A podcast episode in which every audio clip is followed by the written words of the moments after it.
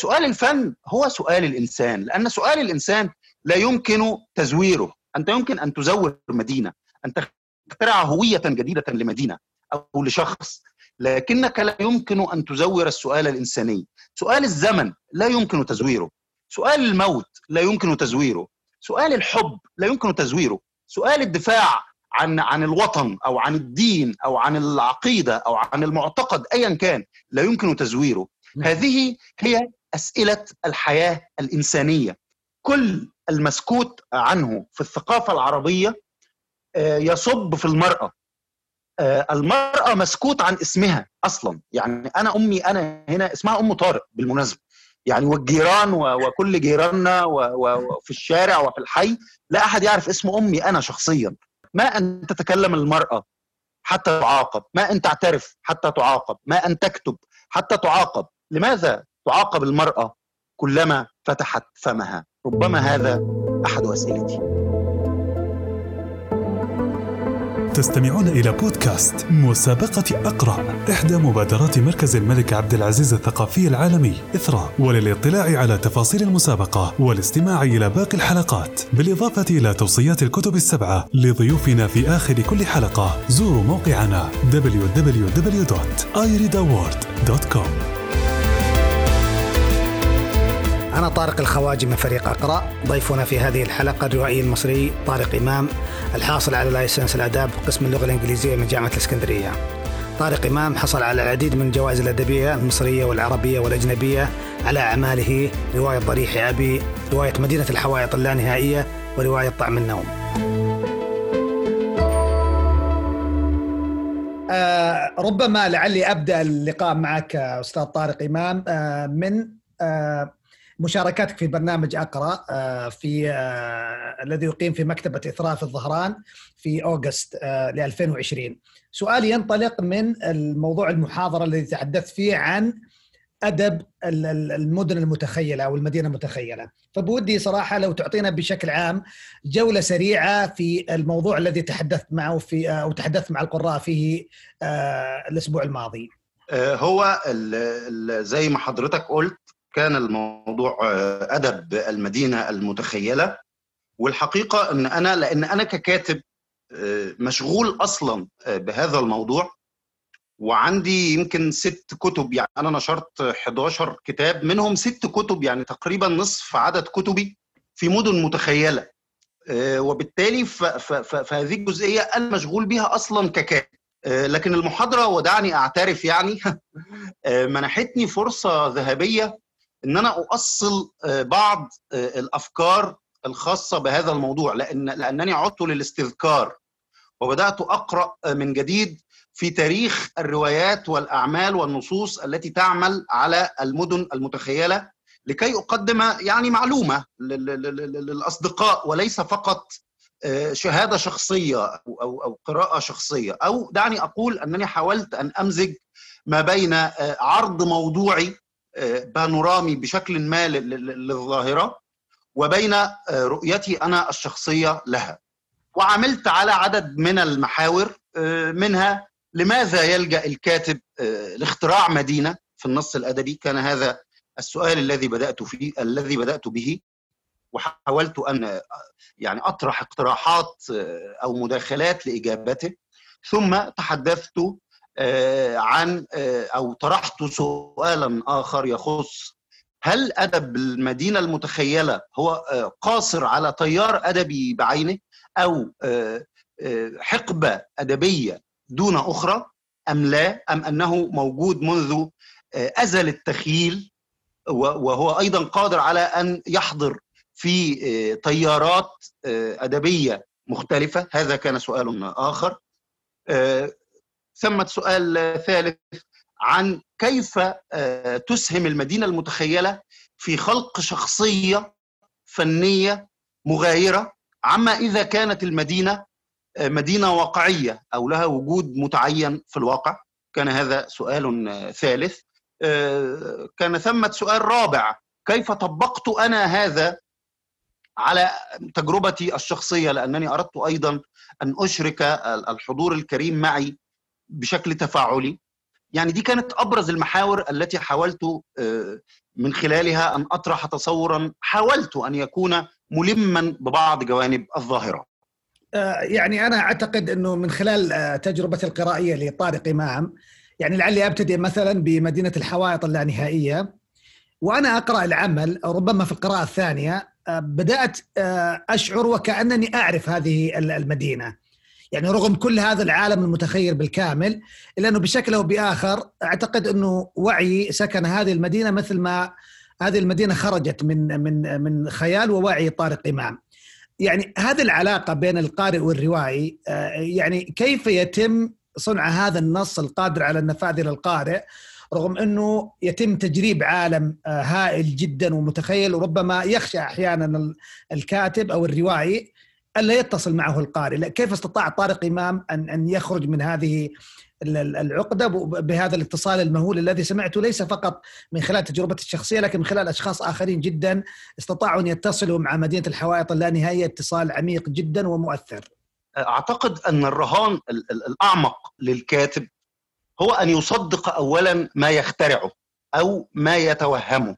يا سلام. كثيرا ما نقرأ اعمالا تدور في الواقع في مدن نعرفها أو في أمكنة نعرفها ولا نصدق هذه الأعمال.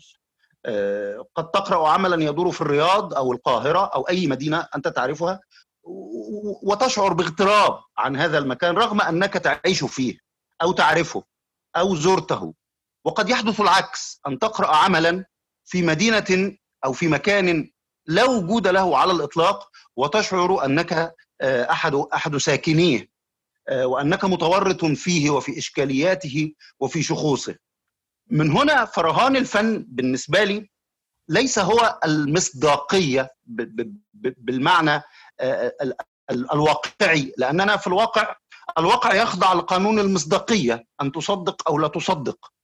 أما الفن فيخضع لقانون آخر أراه أصعب هو المعقولية بمعنى أنك في نص ما وليكن 100 عام من العزلة لجابرييل جارسيا ماركيز مثلا نعم. يمكن أن تفاجأ بأن إحدى بطلات الرواية وهي ريميديوس تطير في لحظة وهي تلم الملابس تطير مع الملابس وتبدأ في الابتعاد في طبقات السماء العليا وتجد نفسك مصدقا لواقعة لا تصدق كهذه بينما في نص آخر قد يشعل أحد الأبطال سيجارة فلا تصدق وقد تقول لا يمكن لهذه الشخصية حسب بنائها الروائي أن تدخن مثلا نعم. من هنا يجب على الروائي في تقديري أن يكون اولا مقتنعا بأن العالم الذي ينشئه حتى ولو كان عالما نابعا بالكامل من مخيلته هو عالم حقيقي ما الذي يجعل العالم ما الذي يجعل العالم الفني حقيقي هو أس... هو.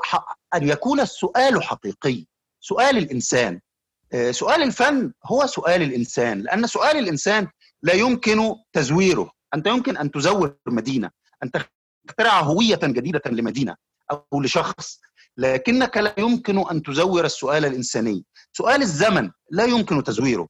سؤال الموت لا يمكن تزويره. سؤال الحب لا يمكن تزويره. سؤال الدفاع عن عن الوطن أو عن الدين أو عن العقيدة أو عن المعتقد ايا كان لا يمكن تزويره. هذه هي أسئلة الحياة الإنسانية. وهي ما تجعلنا نصدق نصا ما حتى لو كان متخيلا بالكامل ذلك أنه استطاع أن يلمس بداخلنا أسئلة إنسانيتنا العميقة وأن يجعل نصا آخر لا يستطيع. بالنسبة لي وبالتأكيد لا أستطيع أن أن أتحدث عن نصي باعتباره نجح في ذلك وأتمنى أن يكون حقق قدرا من النجاح لدى القراء. كان سؤال مثل العزلة مثلا مثلا. هو السؤال الذي بنيت عليه بالأساس مدينة الحوائط اللانهائية. هذه المدينة التي تؤلفها الحوائط المدينة التي لا يكفي شارع واحد فيها لمرور شخصين متجاورين المدينة التي ليس لها أبواب ليس لأن غياب الباب يعني أن الناس يمكن أن تتفاعل بسهولة ولكن لأن غياب الباب يعني أن جميع الأشخاص يضمنون أن لن أن أحدا لن يعبر عتباتهم. سؤال العزلة هو سؤال يخصني أنا بشكل شخصي وهو سؤال جارح بالنسبة لي. وهو سؤال أعتقد أنه سؤال حقيقي يخصني. نعم. سؤال آخر هو سؤال الزمن. كيف يمكنك أن تهزم الزمن أو أن تقهره؟ سؤال ثالث هو سؤال المصير الإنساني كله. في مدينة الحوائط مثلا هناك عالم الموتى مثلا وهو يدمج بعالم الأحياء لأنني عندي هذا السؤال هل الواقع هو فقط الواقع؟ هل الحياة تنتهي بإيداع الإنسان قبره أم أن هناك حياة أخرى وممتدة؟ هذه الأسئلة لأنها أسئلة مهيمنة علي فقد خلقت لها عالما ربما يبدو خياليا لكنه بالنسبة لي أنا أصدقه واعتبرت نفسي أول ساكن لمدينة الحوائط اللانهائية وربما لذلك قد تكون أحرزت ولو قدرا من النجاح أو ورطت البعض في أن ينضم إلي في سكناها. والله يعني يعني ليست مجاملة يا طارق. أنا والله قرأت النص وانتميت مباشرة إلى المكان. أظن شعرت فعليا بما بما يحدث في هذه المدينة العجيبة يعني. يعني أذكر يعني أحد الأشياء اللي أثارت اهتمامي بشكل كبير جدا وأنا أقرأ النص إنه رغم أنه يبدو كمجموعة قصصية إلا إنه هناك خيط متصل بشكل يعني غير اعتيادي ولذلك كنت أسمع صدى بعض القصص في أخرى. يعني هناك قصص نسمع بشكل أو بآخر. تداعيات قصة أخرى موجودة في هذه القصة الجديدة التي عندما نطوي الصفحة نقرأها.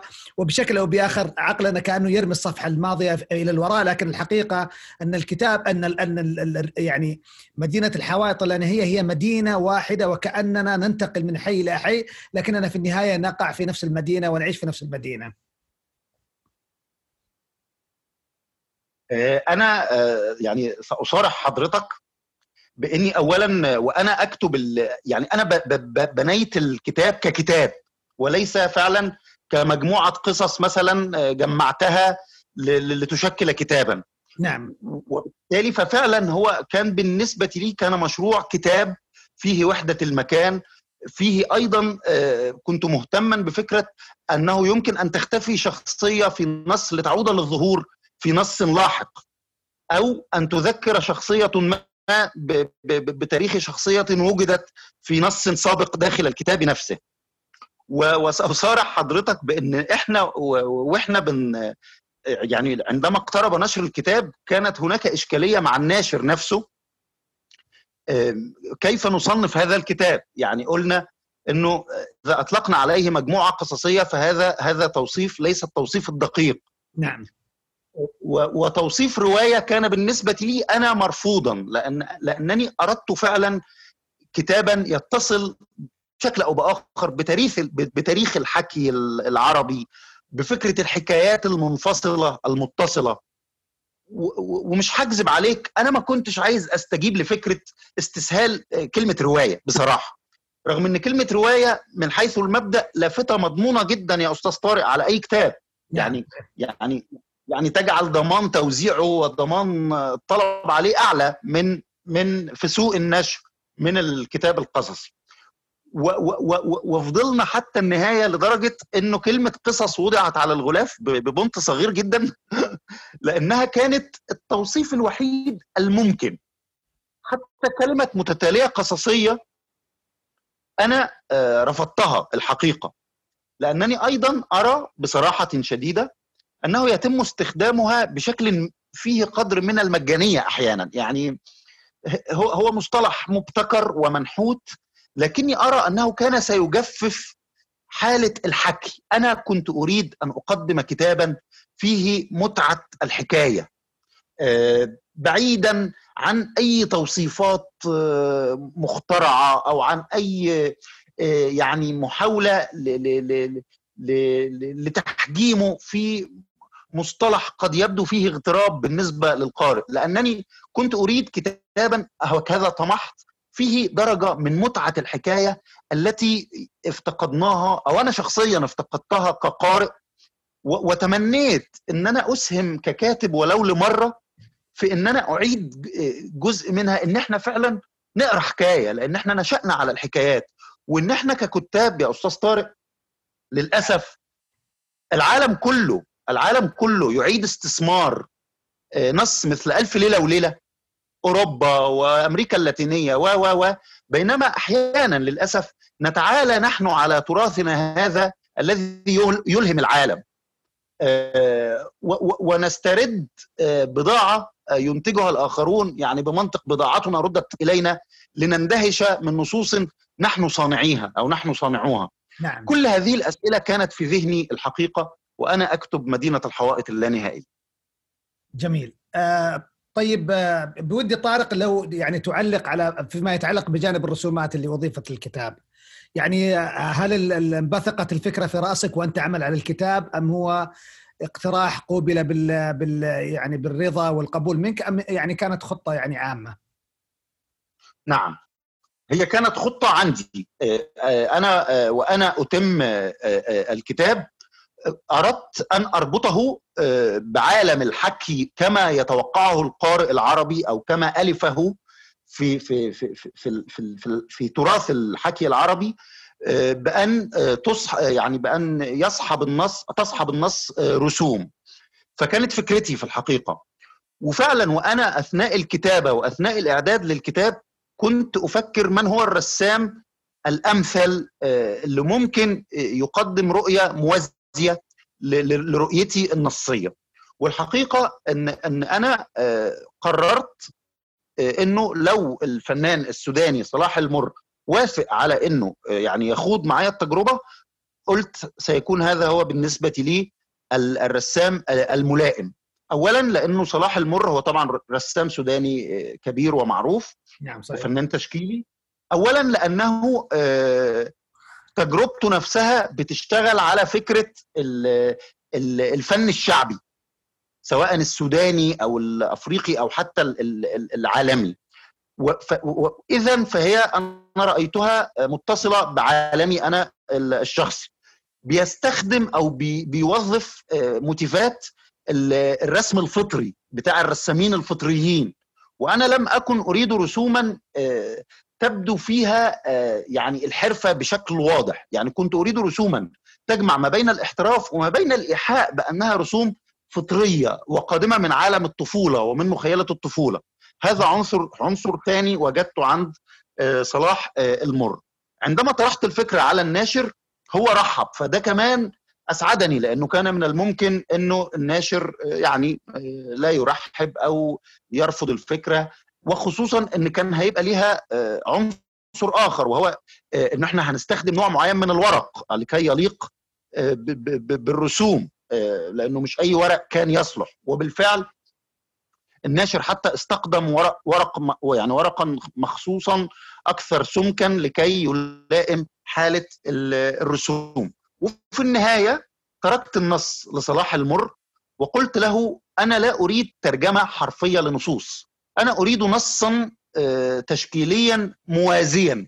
وبالتالي لن أملي عليك تصوري الشخصي. أنت معك النص المكتوب. أريد نصا موازيا له في الرسوم.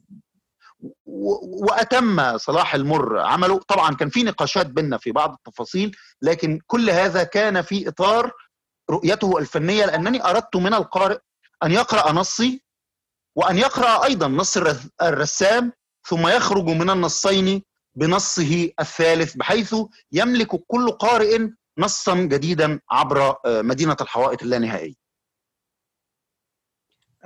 في كتاب اللاحق اللي اللي صدر العام الماضي وهو كتاب أو أو رواية طعم النوم. يعني الآن منطقة الآن يعني نفس الفكرة طارق إمام يذهب إلى منطقة يعني غير معتادة في الرواية العربية. منطقة أيضا ليست سهلة. وتقرر أن تخاطب روايتين من خلال استحضار اسكندرية جديدة. وأيضا أنك تنزع شخصية من من من الرواية من الداخل ويعني تبعثها في روايتك وتحييها من خلال النص الذي قائم على الفكرة المدهشة اللي هو المنزل اللي موجود في الإسكندرية حيث تستقبل فيه هذه الفتاة الرجال الموجودة في الإسكندرية. بودي طارق لو تح... يعني أنا وأنا أقرأ النص كنت أقول في في في نفسي يعني كيف نبتت الفكرة في رأس طارق كيف استطاع أن أن أن يعني يأتي بهذه العملين اللي هم طبعا عملين أعتقد ان لها تقدير كبير جدا عندك وإنك مع ذلك تجد أنه يمكن الاتكاء عليهما في صناعة هذه الرواية التي يعني وأنا لست أجامل هنا ابدا أستاذ طارق يعني من من أجمل الأعمال التي قرأتها في العام الماضي. أشكرك يا أستاذ طارق جدا أنا طعم النوم بالنسبة لي يعني هي أحد أحلامي في الحقيقة يعني منذ قرأت منزل الجميلات النائمات في أواسط التسعينيات من القرن الماضي طبعا وأنا سألت نفسي كنت في بداية كنت في بداياتي في بداياتي ككاتب يعني يمكن عام 94 سألت نفسي في ذلك الوقت سؤالا الن تتحدث هذه الفتاة النائمة ابدا؟ وعندما انتهت الرواية ولم تتحدث الفتاة شعرت بإحباط شديد. مر عقد من الزمن ثم كتب جابرييل جارسيا ماركيز معارضته الخاصة لرواية كواباتا ومجددا قرأتها مترجمة وقد تخيلت أن ماركيز المتيم بهذه الرواية والذي صرح مرارا بأنها الرواية التي حلم بأن يكتبها تخيلت أنه سينطق الفتاة. لكني فوجئت أنه يعني مشى على نهج سابقه وأنطق الرجل مجددا وعمق من صمت الفتاة. هنا قلت يعني إيه بالمصري ما بدهاش. أنا يعني تمنى تمنيت أو قلت سيأتي يوم أنطق فيه أنا الفتاة النائمة وليحدث ما يحدث. لماذا أقول ليحدث ما يحدث؟ لاكثر لأكثر من سبب. اولا أنت أمام كاتبين عالميين وعظيمين وكلاهما حصل على جائزة نوبل في الآداب فأنت تتصدى لنصين شهيرين ومهمين. وثانيا لأن عليك أن توجد هذا النص في تربتك لأن استعارة تيمة أو حكاية فقط لكي تشبع رغبة أدبية أو تجريبية عندك أعتقد أنها لن تحقق أكثر من استمتاعك الشخصي. وإذا كانت الكتابة بالأساس هي استمتاع شخصي للكاتب لكني أيضا أرى أن الكتابة في تصوري أنا الشخصي الكاتب يطرح في كتابته سؤال جارح ويخصه لكنه أيضا قادر على أن يخص جماعة بشرية ما لأن الكتابة أيضا فعل تواصل. حتى فضلت أفكر ومشغول بهذا النص وكتبت أكثر من رواية وأنا أحلم بكتابة طعم النوم. إلى أن يمكن في عام 2014 بدأت فعليا أكتب طعم النوم. وبالمناسبة أنا توقفت في طعم النوم واشتغلت في مدينة الحوائط اللانهائيه وعدت لطعم النوم. يعني هو دايما كان نصا يعني يتصل وينقطع في, مسيرتي.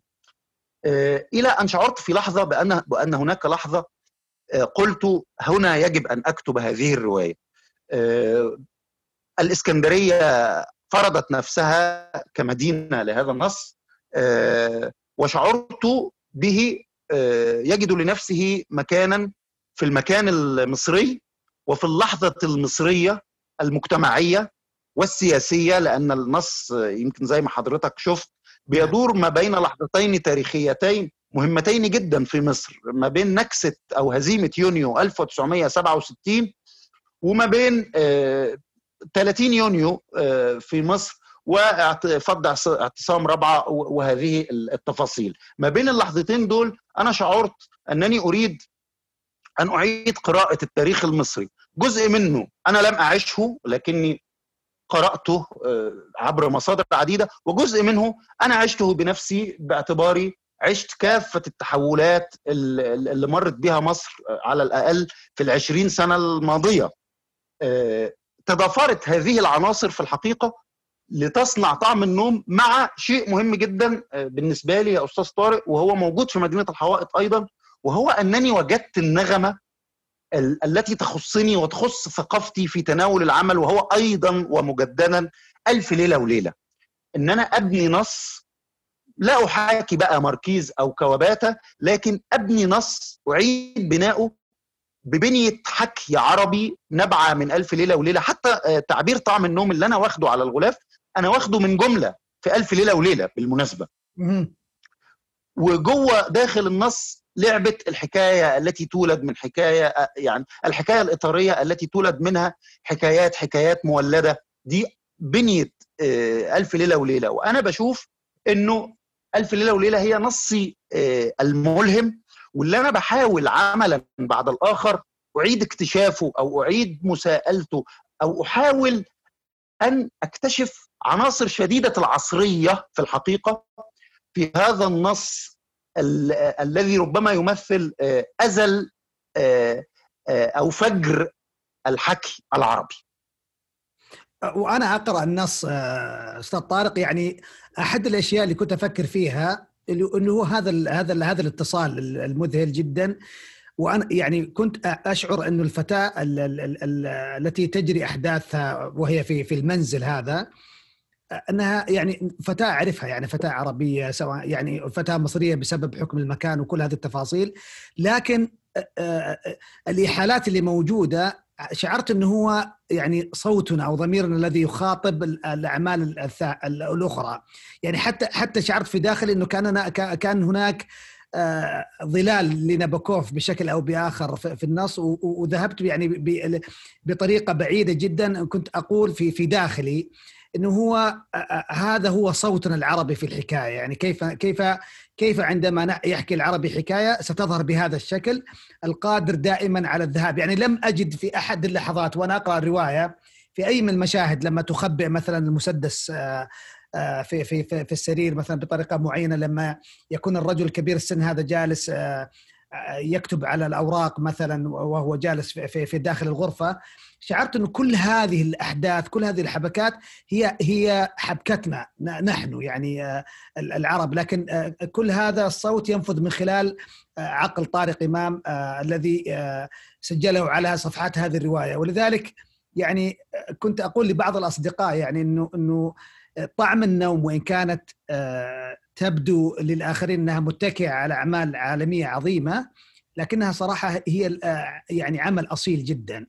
فأنا كنت يعني هذا السؤال اللي كنت يعني أفكر فيه لما يعني كنت أقرأ العمل هذا وأيضا أتذكر مدينة الحوائط اللانهائيه عندما عندما يكون هناك هذه الرغبة أو عفوا مو الرغبة خلينا نقول الجرأة إلى الدخول إلى عوامل يعني عوالم متشابكة بهذا العمق بهذا التفصيل إلى أي درجة مرهق على طارق أن يمسك بخيط السرد؟ نعم اولا طبعا أنا يعني مجددا أشكر حضرتك على القراءة العميقة فعلا يعني للنص و... و... واستخراج مناطق ممكن تدهشني أنا دلوقتي حالا وأنا بكلم حضرتك الحقيقة إنه ال... ال... هقول نقطة أولى كيف نكتب قصتنا؟ يعني أنا مشغول يا أستاذ طارق جدا بفكرة إنه كيف يمكن لأي قارئ في العالم أن يقرأ نصا بدون أن يعرف اسمي أو بدون أن يعرف أن هذا النص مكتوب بالأساس في لغة باللغة العربية ويقول هذا نص عربي. الحقيقة أنا مشغول بهذا بعيدا بقى عن الشعارات ماشي وعن الكلام الكبير. وعن اللافتات لأنني أرى أن قدرة الكاتب على أن يكون كاتبا وجوديا أو صاحب باسئله الوجود التي تخص البشر جميعا لا ينفي ابدا أن يكون قادرا على نقل نبض لحظته وسياقه المكاني والتاريخي والثقافي. يعني زي ما حضرتك قلت مدينة الحوائط اللانهائيه هي المدينة العربية حتى لو هي مدينة متخيلة حتى لو هي مدينة لا وجود لها في الواقع حتى لو هي مدينة لا وجود لها في أي خريطة لكن هي المدينة العربية. حتى لو هي لا تدور في زمن بعينه مثلا. طعم النوم هي مدينة الإسكندرية. ثم بشكل أوسع هي المدينة المصرية. ثم بشكل أوسع هي المدينة العربية. بكافة سياقاتنا بكافة أسئلتنا بكافة مأزقنا وإشكالياتنا. أنا مشغول بده لأنني أرى أنني كاتب طوال الوقت أنا أتعامل مع نفسي ككاتب عربي. والموضوع أيضا ليس نابعا فقط من من الذهن يعني مش موضوع ذهني إن أنا بقول إيه أنا كاتب عربي اذا لازم أوضح عربيتي. لأ أنا يعني أعيش في هذا السياق أتحدث هذه اللغة كيف يمكن أن أنسلخ عن كل هذا؟ لأنشئ نصا تغريبيا بالكامل أو على الأقل هذه وجهة نظري في الفن. وخاصة أن دوستويفسكي الذي المنخرط تماما في في في في, في روسيته هذا لم يمنع دوستويفسكي من أن يكون كاتبا للبشرية. كازنزاكس المنخرط تماما في يونانيته وسؤال وسؤال القومية والهوية هذا لم يمنعه من أن يكون كاتبا للبشرية. وكذلك ماركيز الكولومبي و و و لا, لا لا أريد أن أعدد لأن الأسماء يعني يصعب حصرها. صحيح. الجزئية الثانية الخاصة بتشابك العوالم. أنا لا أخفي حضرتك يعني لن أخفيك. أنا مشغول بسؤال أعتقد إن هو سؤال واقعنا أيضا. سؤال المتاهة يا أستاذ طارق. المتاهة المتاهة قايمة بنية المتاهة في تقديري لماذا يتوه الإنسان يعني أو لماذا يخشى الإنسان المتاهة؟ الإنسان يخشى المتاهة لأن المتاهة بنية قائمة على التشابه والتطابق. أنت حين تمشي في حين تجد نفسك أمام شارعين متطابقين أنت تخاف. التشابه الخوف من التشابه والتطابق هو ما يصنع التيه وليس فكرة أن المكان شديد الاتساع أو أن أو أن أو أنك تدخل من باب ولا ولن تستطيع أن تخرج منه، ليس هذا ما يخيف الإنسان في المتاهة. ولذلك أنا ألعب دائما أو هذه الفكرة تشغلني. فكرة أنك تجد أن التاريخ بيعيد نفسه مثلا. هذا جزء من بنية المتاهة. ولذلك في طعم النوم هتلاحظ حضرتك ان إن كل الشخصيات اسمها روز. تموت روز الأولى لتولد روز الثانية. وتنتهي روز الثانية لتبدأ روز الثالثة. وهكذا. آآ آآ كل شيء وكأنه بيعيد نفسه. وكأنه بيكرر نفسه. ولنجد أنفسنا مثل لعبة أو مثل دمية الماتريوشكا. كلما أزلت كلما يعني شلت طبقة بتلاقي دمية أصغر بداخلها ثم دمية أصغر ثم دمية أصغر. أعتقد إن ده سؤالنا إحنا. سؤال التاريخ.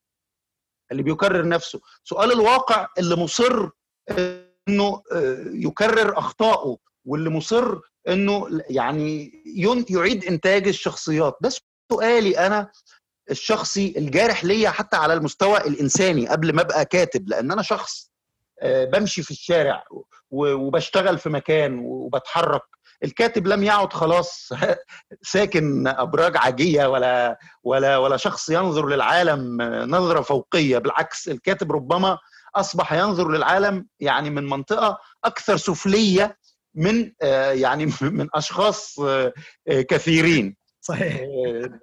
يمكن ده جزء من من اعتدادي جدا بفكرة الزمن التكراري بفكرة الدايرة بفكرة التكرار. وهذا هو ما يصنع التعقيد بالنسبة لي أنا الحقيقة شخصيا. لأنه على فكرة يعني من تجربتي في الكتابة أصعب حاجة في الفن إنك تعمل على بنى تبدو ظاهريا متشابهة لتكشف اختلافات عميقة بينها. بينما السهل أو الأسهل شوية إنك تشتغل على بنى أو على تفاصيل متباينة من حيث المبدأ.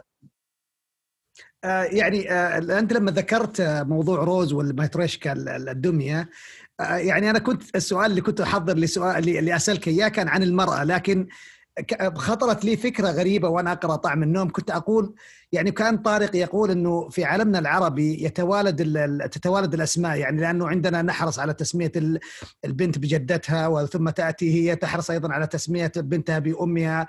فتتوالد الأسماء وتتوالد التجارب العربية في الزواج على الأقل في الفترات الماضية في قصص حزينة ومأساوية متتالية يعني متكررة. فكنت يعني قلت ربما يكون من المناسب إني ربما أسأل طارق يعني الأستاذ طارق عن عن المرأة في أعمالك. يعني واضح جدا أن هناك صوت مرأة ينفذ من خلال أعمالك ليقول ما لا يقال في في, في الواقع. نعم هذا صحيح تماما. وعندما أتأمل أنا شخصيا أعمالي حتى الاسبق أجد أن المرأة مركزية جدا. يعني أنا عندي رواية مثلا سابقة اسمها الأرملة تكتب الخطابات سرا. نعم. هي رواية بطلتها بالكامل المرأة وعالمها أصلا عالم مؤلف من النساء. يعني لدرجة أن بعض النقاد يعني قالوا إن دي رواية نسوية مثلا. وهكذا. في الحقيقة إنه حضرتك يعني يعني سؤالك نفسه انطوى على الكلمة الأخطر والأهم والمفتاحية. كلمة المسكوت عنه. كل المسكوت عنه في الثقافة العربية يصب في المرأة. المرأة مسكوت عن اسمها أصلا. يعني أنا أمي أنا هنا اسمها أم طارق بالمناسبة. يعني والجيران وكل جيراننا وفي الشارع وفي الحي لا أحد يعرف اسم أمي أنا شخصيا. وهي اسمها أم طارق لأنني الابن البكر أنا ابنها الأكبر وبالتالي فهي أم طارق فقط لا غير. نفس الشيء معي مع أستاذ طارق نفس الشيء ام طارق. يعني إحنا حالة طوارئ. فده سياق طبعا موجود.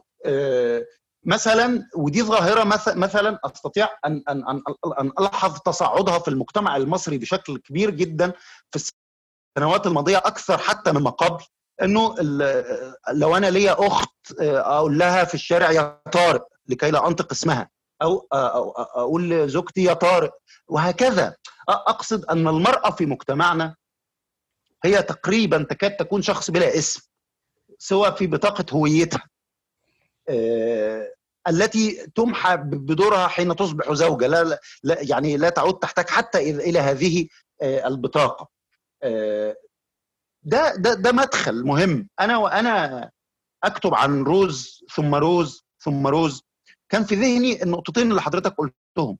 اولا اننا نرث أو نورث الاسم وكأن كل شخص وخصوصا لو أنثى هي صورة من الأنثى السابقة. وثانيا لو حضرتك تلاحظ انه حتى هذا الاسم هو اسم حركي يعني حتى روز هو ليس الاسم الحقيقي لأي امرأة من هؤلاء. يعني حتى الاسم الذي تحصل عليه الفتاة وتنادى به هو اسم مستعار. وكأنه في تغريب مضاعف لهوية المرأة.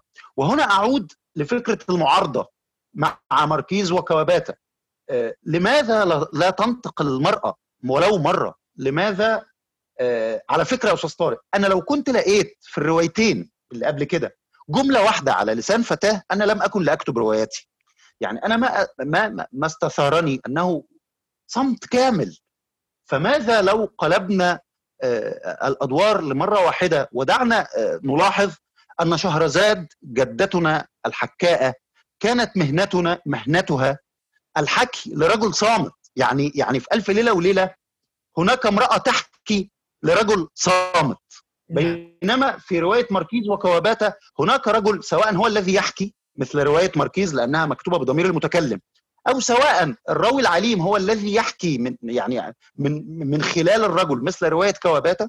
في الروايتين دول الرجل هو الصوت والمرأة هي الصمت. بينما في تراثنا العربي منذ سنوات بعيدة بعيدة بعيدة جدا فطنا لفكرة أن المرأة هي الحكي المرأة هي الكلام المرأة هي الصوت والرجل هو الصمت. كان عندي سؤال آخر. لماذا صرنا الآن ونحن أحفاد هذه الشهرزاد؟